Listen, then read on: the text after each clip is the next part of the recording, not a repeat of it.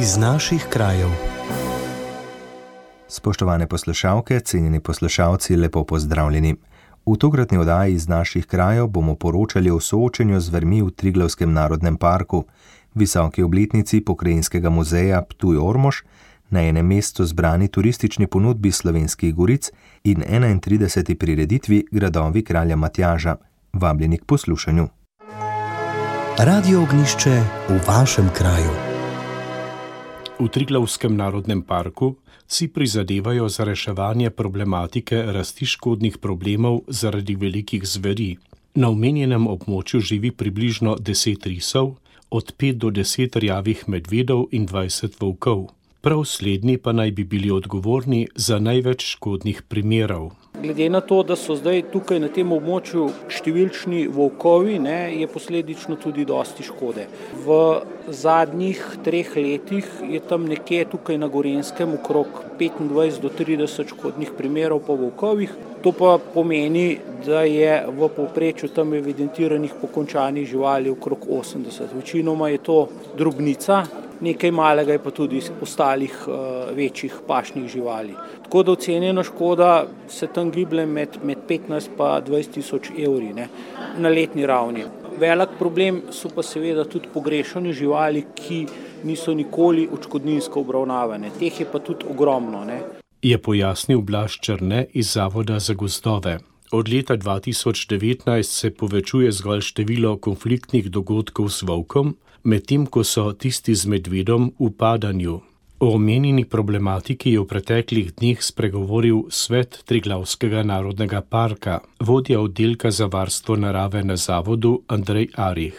Pričakujemo, da bodo vsi sektori, ki so kakorkoli povezani s področjem upravljanja z velikimi zvrmi, aktivno pristopili k razreševanju problematike in bomo skušali najti, poiskati neke res učinkovite rešitve za preprečevanje ali pa saj zmanjševanje obsega eh, teh konfliktnih dogodkov v prostoru.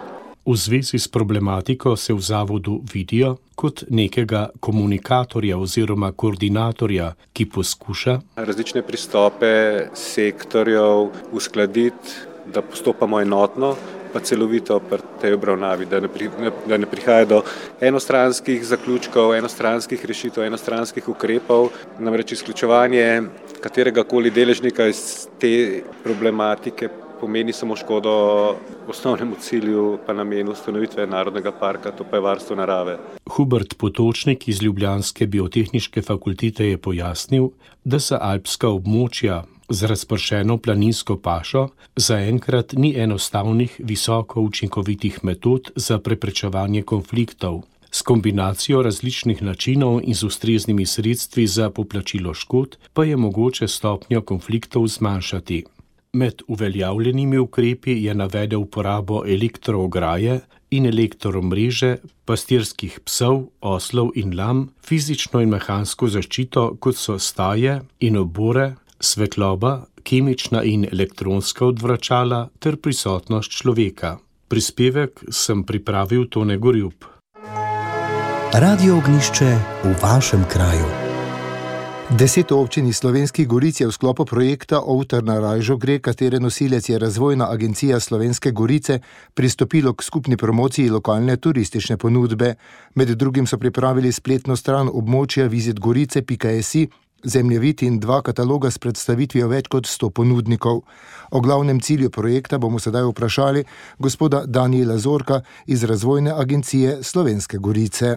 Ja, lepo zdrav vam in vsem eh, poslušalcem. Glavni cilj projekta je promocija turistične ponudbe slovenskih golic, ker že dlje časa opozarjamo oziroma spremljamo dogajanje na turističnem območju in eh, v bistvu ugotavljamo, da nismo prepoznani na področju turizma, smo vedno neka bela lisa in eh, potem smo nekako ugotavljali, kako bi se postavili na lasne noge oziroma začeli sami promovirati. Na razvojni agenciji Slovenske gorice delujemo večinoma preko projektov, se pravi, sodelujemo z občinami in preko nekih velikih sofinancerskih sredstev in smo pripravili projekt Outar na Rajžo gre, s katerim smo želeli povezati vse ponudnike, turistične deležnike, vključiti tudi naravne in druge turistične znamenitosti v en, rekel, neko skupno malho. Cilj tega je v bistvu, da povečamo prepoznavnost, praktično uporabnost pa je tudi v tem, da bo neki obiskovalec Slovenske gorice našel vse na enem mestu, po drugi strani pa bodo tudi ponudniki, ki delujejo v nekih občinah, ki so še pri nas zelo, rekel, turističnega vidika zelo zaprte, zelo omejene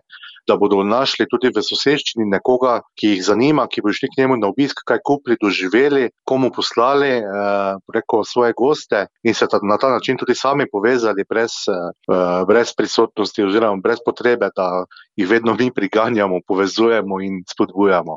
Gospod Zorko, območje povezuje deset občin, smo dejali, približno 43 tisoč je prebivalcev, imate kar 23 ponudnikov nastanitev, med ponudbo pa najdemo tudi, da nimo izposojo električnih koles, prav tako imate tudi postajališče za avtodome. To je res. V bistvu mi smo eno območje, ki ponuja raznolikost na enem mestu. Mi nimamo Bleskega otoka, mi nimamo postojnske jame, ampak imamo v bistvu veliko stvari za doživeti, za raziskovati. In naša geografska reliefna posebnost je pač so naše griče, so naše vinogradi. Smo eno najbolj osončenih območij v Sloveniji in to je najlepše raziskovati peš ali s kolesom, ali se pravi vse skupaj, skupne inovacije narava. In v zadnjem času opažamo veliko tudi kolesarjev, veliko avtodomarjev in sled tega so tudi preko naših projektov pripravili naši ponudniki, naše občine tudi postajališča za avtodome, pripravljajo se v prihodnosti polnilnice za električne kolesa in pa tudi kar nekaj ponudnikov se odloča že za nakupe teh električnih koles, prav tako občine, ker je v bistvu to najlažje, najbolj enostavno in tudi zelo, rekel, en tako unikatno doživetje za raziskovanje slovenskih goric. Projekt se sofinancira iz Evropskega kmetijskega sklada za razvoj podeželja, pa mogoče ob tem še pogled nazaj. Rad bi, da našim poslušalkam in poslušalcem predstavite tudi festival Slovengoriške gibanice. Ta je se v preteklosti že odvil, se bo odvijal tudi letos? Ja, Slovensko-goriška gibanica je ena posebnost Slovenskih goric, način priprave te naše pogače, kot ji rečemo. V Slovenskih goricah smo seveda znani po svoji gastronomiji, po svoji gostoljubnosti, zato ko govorimo o turizmu, veliko krat kar pozabimo na to, ker je pri nas to tako samoumevno, da si mislimo, da tega ni treba posebej poudarjati, pa ni tako. Mi smo ta festival izvedli v lanskem letu, spomladi. Bil je izveden v dveh delih. Najprej smo pripravili eno tako, bomo rekli, tekmovanje za najboljšo gibanco, ker je posebna strokovna komisija ocenila gibance. Tu se nismo omejevali na samo na ponudnike, se pravi, ne samo za tiste, ki lahko gibanco prodajajo, ampak v bistvu na vse gospodinje, gospodinjce in vse fizične osebe, ki pač to našo jed pripravljajo. Naslednji korak bi pa bil v tem, da bi poskušali povabiti nekega priznanega rekel, kuharja v nekem širšem prostoru, ki je znan, ki tudi zna povzdigniti to jed, saj bi jo radi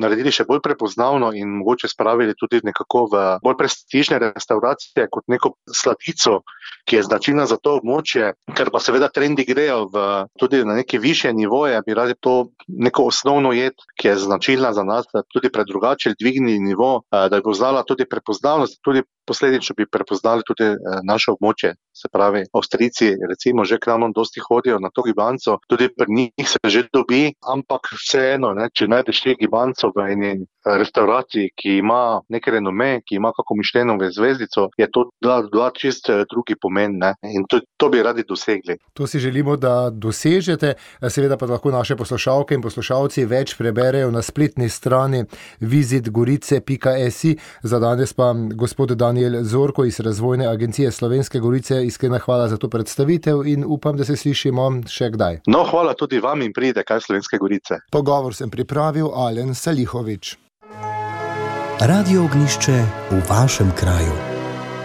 Pokrajinski muzej Ptuj Ormož je v lanskem letu naštel dobrih 66 tisoč obiskovalcev, največ na Ptujskem gradu. Muzej sicer upravlja tudi z nekaterimi galerijami in muzeji obeh mest. Direktor Aleksander Lorenčič je povedal, da je z obiskom v preteklem letu zadovoljen. Lansko leto je bilo za pokrajinski muzej uspešno leto, tudi finančno smo poslovali pozitivno, kar še posebej veseli, Po dveh pandemičnih letih smo ponovno imeli lep obisk, je bil tako rekoč na ravni predkoronskega leta 2019. Razveseljuje tudi dejstvo, da se zopet dviguje obisk tujih turistov. Veliko je še vedno tudi šolskih skupin. Živahna dejavnost znotraj muzeja je v minulem letu vključevala pestro razstavno in izdajateljsko dejavnost. Novost je tudi ta, da je salon na Preširnovi ulici od lani v celoti namenjen arheološki dejavnosti, v Miheličevi galeriji pa se je lani zvrstilo kar osem razstav. Muzej je izdal tudi tri obsežne publikacije. Lorenčič je povdaril, da je kulturno ministerstvo odobrilo še dodatnih 73 tisoč evrov, s katerimi bodo lahko nadaljevali prenovo Ptujskega gradu. V načrtu imajo tudi prenovo grajske žitnice. Sama prenova je zagotovo utemeljena v več pogledih. Na eni strani seveda so prostorske potrebe muzeja znane, zagotovo kolikor bo seveda prišlo do realizacije tega, te investicije, tega projekta, zagotovo bo šlo za dodano vrednost ne samo tega lokalnega okolja, ampak za investicijo, ki bo nenazadnje imela ali pa predstavljala neko dodano vrednost tudi na nacionalni ravni. Ob letošnji sto trideseti obletnici delovanja se bo zvrstilo kar nekaj dogodkov skozi vse leto. Med drugim bodo izdali muzejski zbornik, odprli novo začasno razstavo, po dobrih dveh desetletjih pa bo v obnovljeni podobi zaživela tudi znamenita zbirka orožja v romanskem palaciju. Osrednja slovesna akademija bo potekala dvaindvajsetega septembra.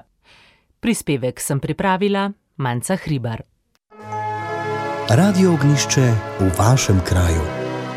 Po obilnejšem sneženju v minulih dneh in napovedanih nižjih temperaturah v prihodnjih dneh se v Črni na Koroškem pripravljajo na 31. prireditev Gradovi kralja Matjaža, ki bo potekala konec prihodnjega tedna. Nekako imamo ustaljen program, se pravi, da pričnemo v petek z nočnim slalomom, potem sobota je namenjena gradnji s spremljevalnim programom in nedelja je namenjena otrokom. Jaz pričakujem, da bo čim več graditeljev pa tudi čim več obiskovalcev, glede na to, da pač pretekla leta je zaznamoval zdaj covid in te prireditve nismo imeli v takem obsegu, tako da letos res vabimo graditelje, da se udeležijo gradnje v čim večjem številu, pa seveda obiskovalce, da pridejo v Črno in da pogledajo te izdelke, ki jih bodo graditelji zgradili. Je pojasnila županja Romana Lesjak in dodala, da bo tudi nekaj spremljevalnega programa. Tako da grajski Miričniki kot vsako leto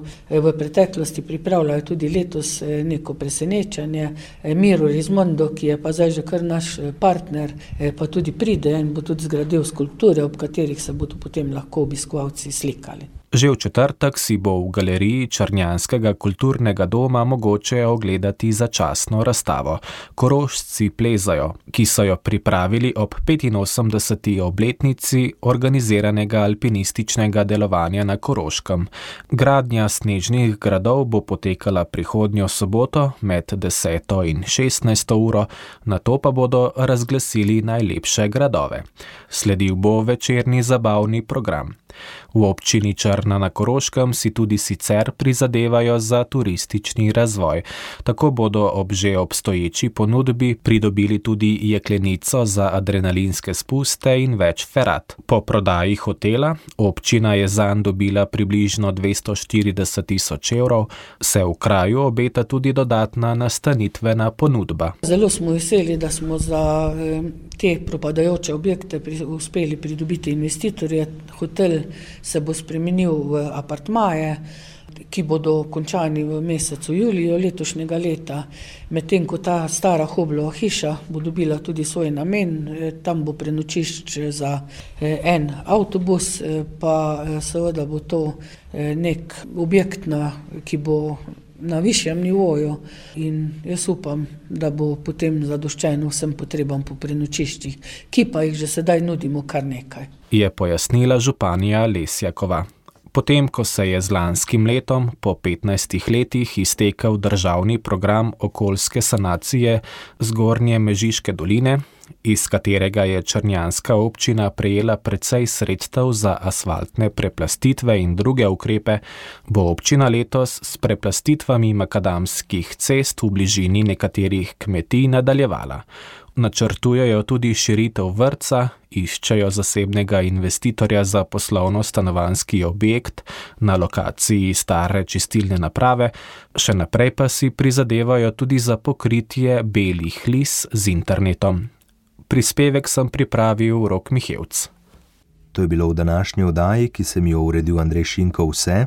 Če ste del zamudili ali bi prisluhnili še enkrat, vabljeni v audio arhiv Radio Ognišče, sicer pa hvala za pozornost in lep pozdrav do prihodnega tedna. Poslušali ste oddajo iz naših krajev.